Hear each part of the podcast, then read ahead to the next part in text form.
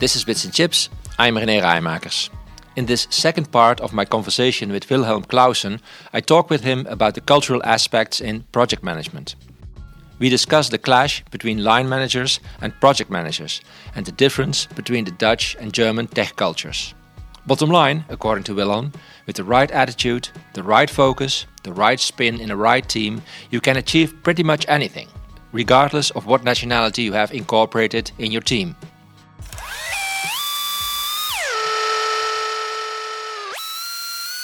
Wilhelm, I know you have experience in both project management and line management, and uh, in large organizations, these are known to be natural opponents. Maybe you can start by telling me about the constraints of both. A line manager is, is a person that who has the, at first the task to prevail his kingdom. Mm-hmm. He is kind of a permanent or more or less quasi static pool that is is, is part of the company. Mm-hmm. And in opposite to that, the project leader is someone who, regardless what, wants to achieve his goal. So in a kind of kind of way, he is a reckless person trying to push through the goal that he has accepted as his task for the sake of the company. Yeah. And th that of course leads to a conflict. You have to manage or you have to operate this conflict in a good way. Why, why does that lead to a conflict? When I was a, when I was line manager, I wanted to have a steady environment. My task was to run a integration group, to run a development group according to a pace, according to a certain sequence. I was my task was to ensure stability in an organization. Mm -hmm. By nature, a project leader does just the opposite. He wants to achieve things and then move on. That means the signaling period of a project leader is always limited, while the signaling period of a manager, a line manager, should be longer lasting, mm-hmm. perfect infinity. I mean, if you think about my father's um, career, he has had his line managers for 15, 20 years, the same people. They actually became friends. That means that they have built up personal relationship, long-lasting personal relationships amongst each other, ensuring that they can rely on each other also in their professional life. And this is, of course, first of all, a different character, mm -hmm. and second, of course, a different task. And these two worlds are competing with each other in large organizations. And the question is now how do you mitigate? Because the conflict is inevitable. It's it's uh, you cannot you cannot you cannot avoid you cannot avoid it. But as a matter of fact, of course, for the productive outcome of a company, it is important that it is managed or that it is operated in a good way. And this is the reason why I feel privileged yeah. that I have been in a line function for several years at the same moment that I have been in program management positions for other uh, other for other projects. It helps to understand mm -hmm. why people are reacting like they are reacting. And when you understand why people are reacting, you can develop some empathy, empathy for them and you can develop some, let's say, constructive way of dealing with that what you recognize or what you experience as attitude in the first place. Yeah. So we we Dutch have the idea that the Germans are control freaks. Eh? Yeah. We have this image that our neighbors are to totally focused on processes and want to stick to the rules no matter what. Yeah, that's hundred percent correct. That's exactly what the, how they are. Yeah. no, I think it um, has it has advantages. Eh? It, it, I think it's it's it's a little more different, a little bit more, let's say, uh, sophisticated than that. Um, There's nuance to that. Or? Uh, the general perception that yeah. that, that uh, Germans are more process-oriented in disciplines, and the Dutch being more chaotic and more creative, I think has some truth in it. Mm -hmm. But I always appreciated working with Dutch people because they are more daring, they are more looking for the opportunity rather than looking for the reasons why it can't work. And um, that is something that you need to balance in a good project leadership in a good way because especially when you look into development projects Yeah. then you immediately recognize that there is a certain period in time when you need this creativity when you need to foster the drive to new ideas when you need to embrace change as positive. positive and on the second way on the second part there is of course a time in a project when you need to make sure that you are going ahead structured. Yes. So And- th- yeah, I can imagine that, that, that this chaotic behavior of the Dutch hindered you in, in managing projects. Well, I wouldn't say hinder. You know, if you want to be successful mm-hmm. in in any project anywhere in the world, you always have to accept that the people that you have are the best people that you can have at that moment. So complaining about the fact that Pete is special and Steve is special and Wilhelm is special is not helping you. Mm-hmm. You have a goal and you need to achieve. And the challenge there is to get the people moving in the same direction, with the same pace, with the same sense of quality, with the same goal. Mm-hmm. And that is basically what you need to achieve. And these cultural differences you need to utilize to your advantage to mm-hmm. make sure that the right person is at the right spot in your project. Mm. I mean, when I told my brother a few years ago that I was going to ramp up a manufacturing site in the Netherlands, he was laughing to my face. He was uh, he's running a factory for special machine building himself Yeah. with several hundred people. He basically said, "Never manufacture in the Netherlands. You will only get individual parts made by individuals, and maybe sometimes they will even work." The bottom line was we succeeded.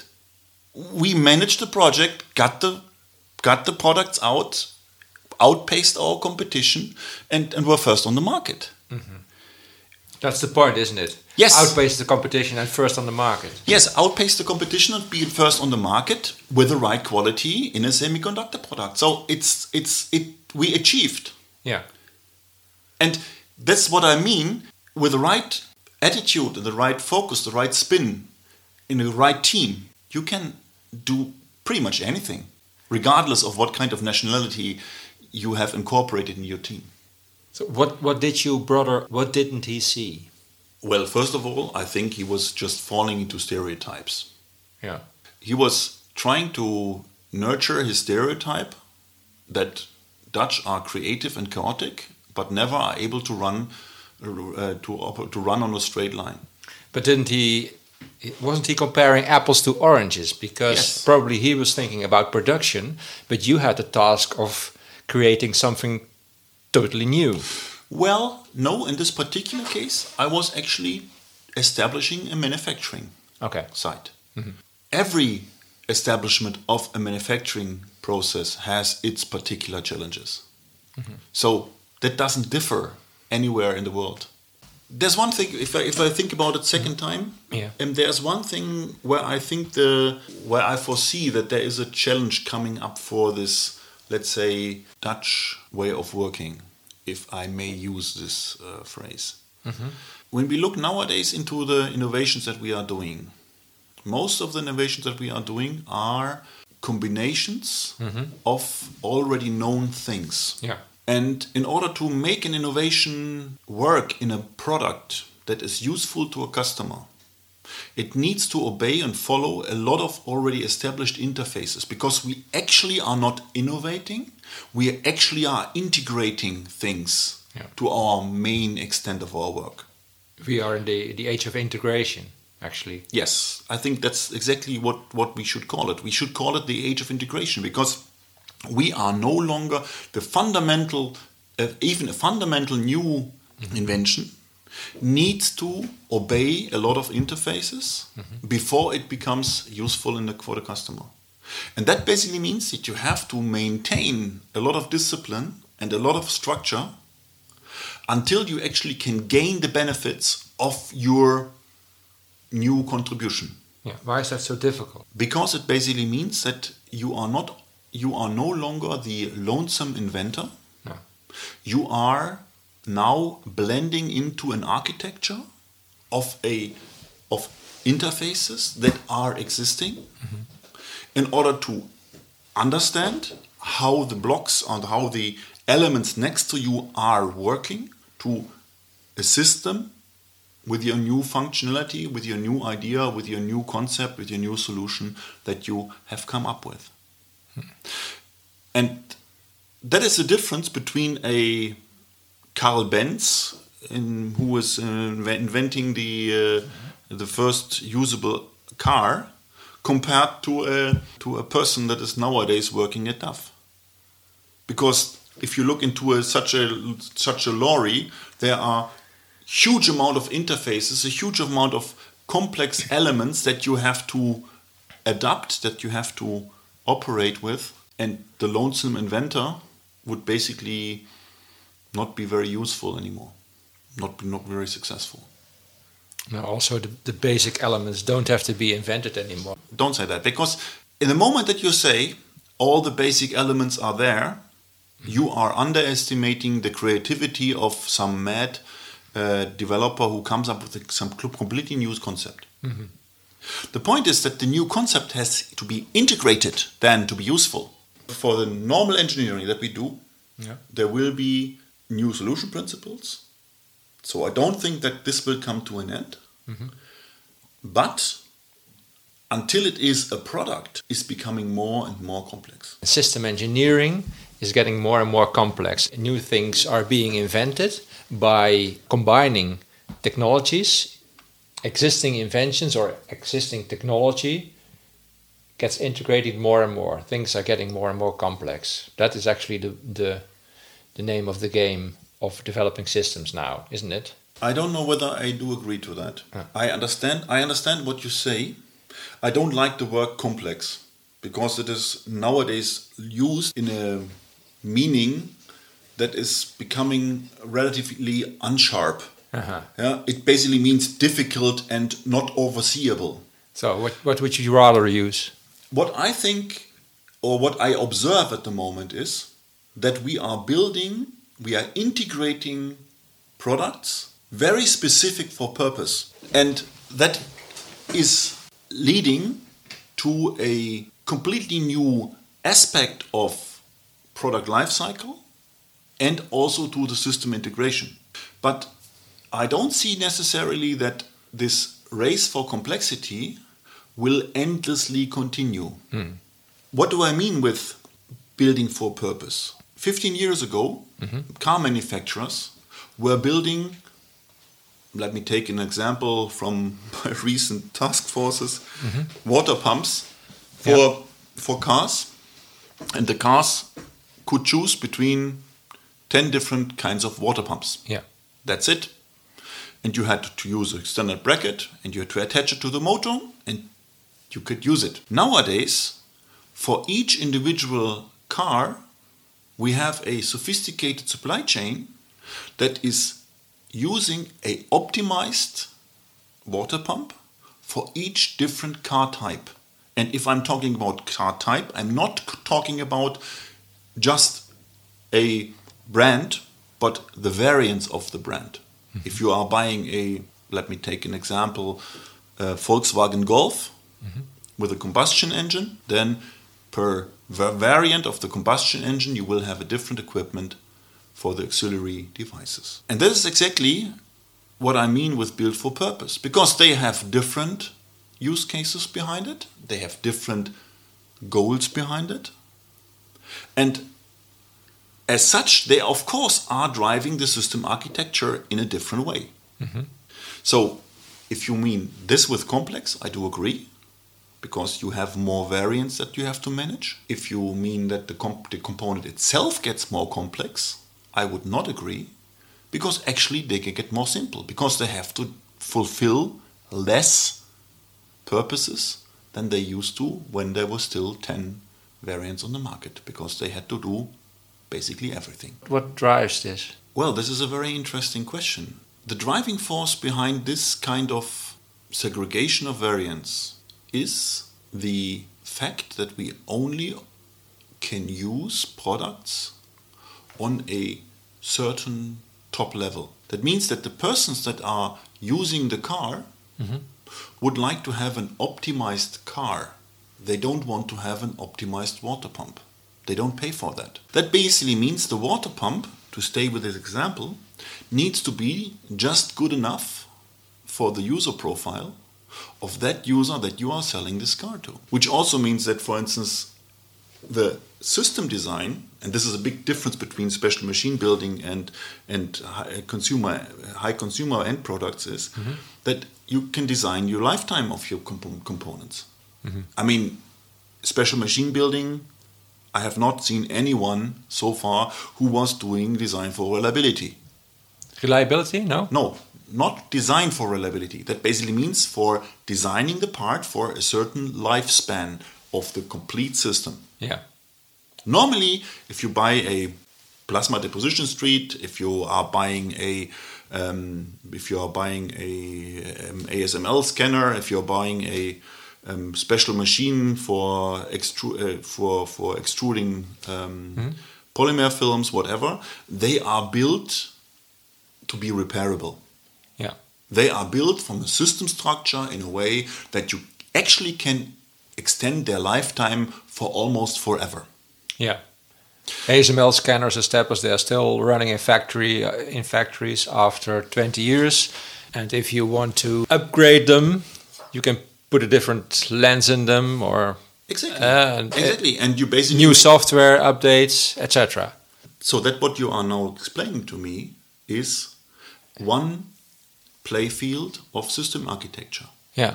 The system architecture of modular built, repairable systems that have an infinite lifetime. Yeah, and that's a very different game than making consumer product or high-end consumables like water pumps for automotive. Yes. You design them.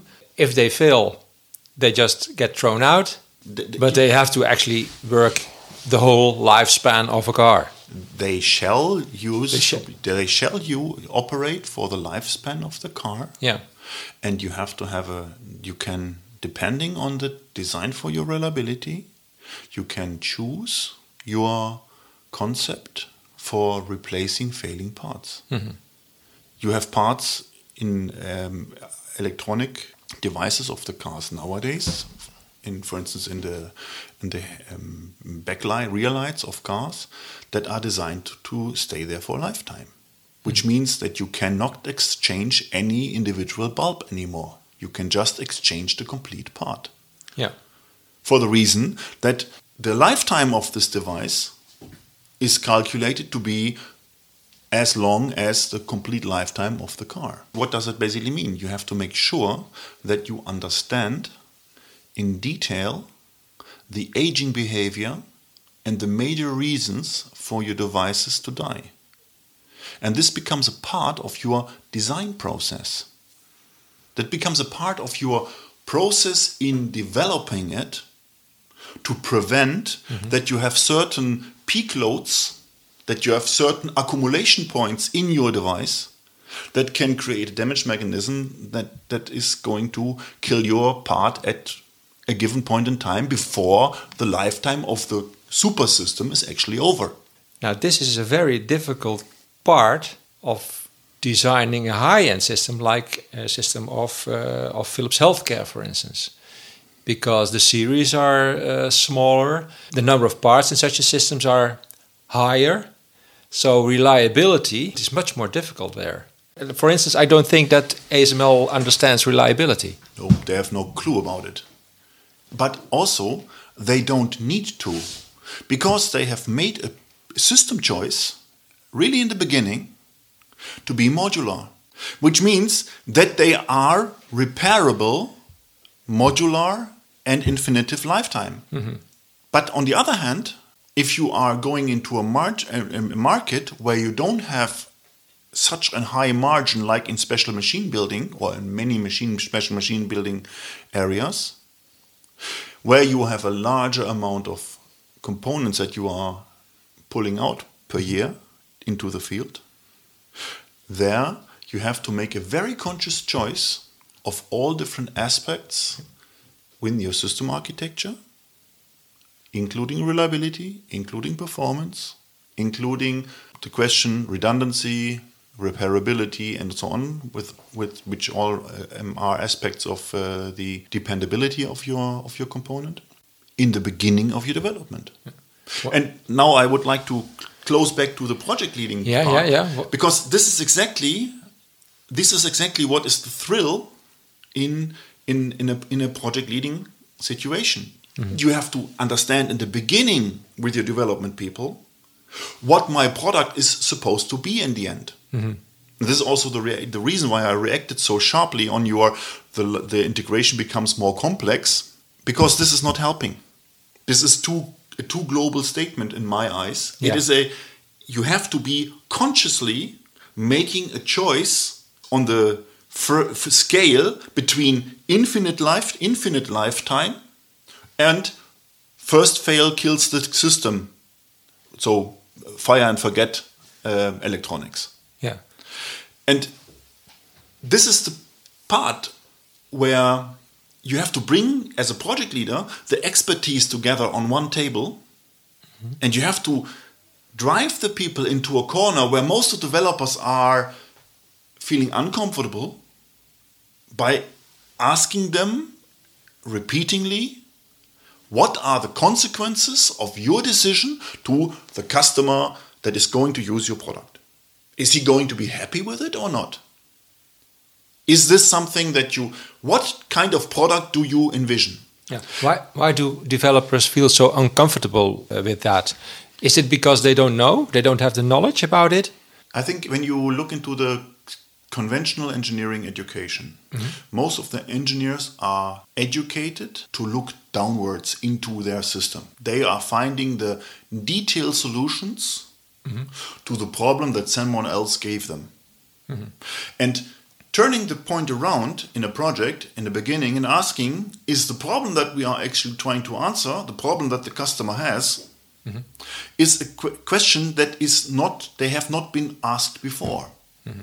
and as such they feel uncomfortable I, do, I don't think that they are i've never experienced that, an, that a, a smart engineering team is not capable of answering these kind of questions once they embrace the importance and they embrace the way of how to get there. Yeah, yeah, yeah. If you go back to uh, project management, you need, of course, skills to manage the product. You need these leadership skills, mm. but you have to recognize what kind of project that you deal with, yeah. and you have to set your priorities according to the development process that you need for this product. So that's different for for a water pump than for a, a Röntgen scanner. Yes, exactly. So that's a, actually a third dimension, I mean, or not? This is exactly what I expect from a good project leader. Mm -hmm. A good project leader is able to slice that down. If he's not able to slice that down, he's going to make a failure. Yeah. If you take a project manager from the car industry, will he recognize the needs for high-end systems, for high-tech systems, for instance? It's not experience. Um, it is awareness that you have to bring. And it is, of course, methodology to understand what are the system architect aspects that I have to understand and that I have to clear before I start working and before I start running. Mm. It's basically like the paratroopers, right? One of if you are jumping out of an airplane, mm -hmm. you are landing somewhere in the field. Yeah. And the first thing that they are supposed to do is, after they basically uh, got rid of their parachute, is look around and understand where you are. Yeah. Before you start running to any direction. Mm-hmm. And that is exactly what good project leadership also does. I mean, you always land with your troop, with your with your group, somewhere on an open field. You don't know where you are. The first thing what you have to do is you have to group, you have to gather your people as project leader. And you have to make sure that this group of people understands where they are and where they need to go. That's step one, always.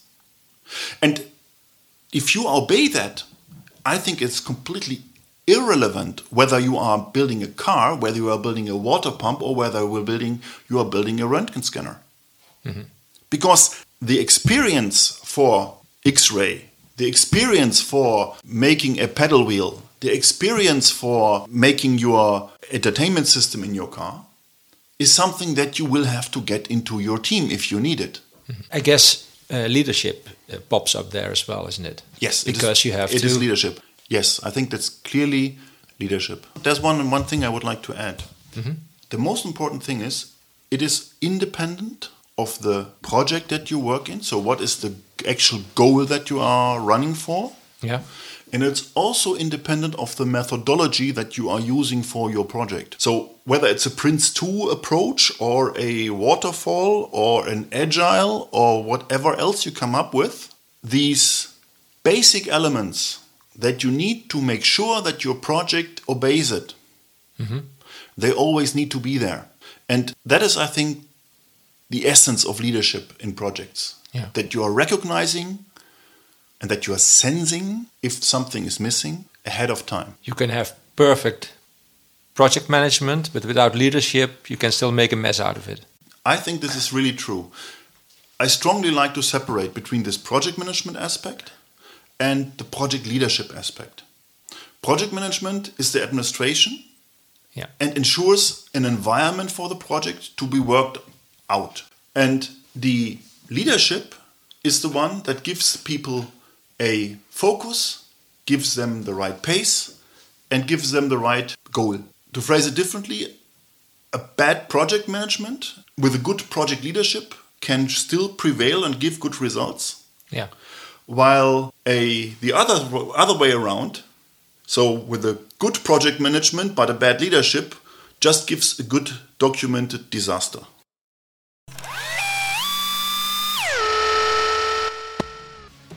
This was the second part of my interview with Wilhelm Clausen. This was Bits and Chips. Thanks for listening.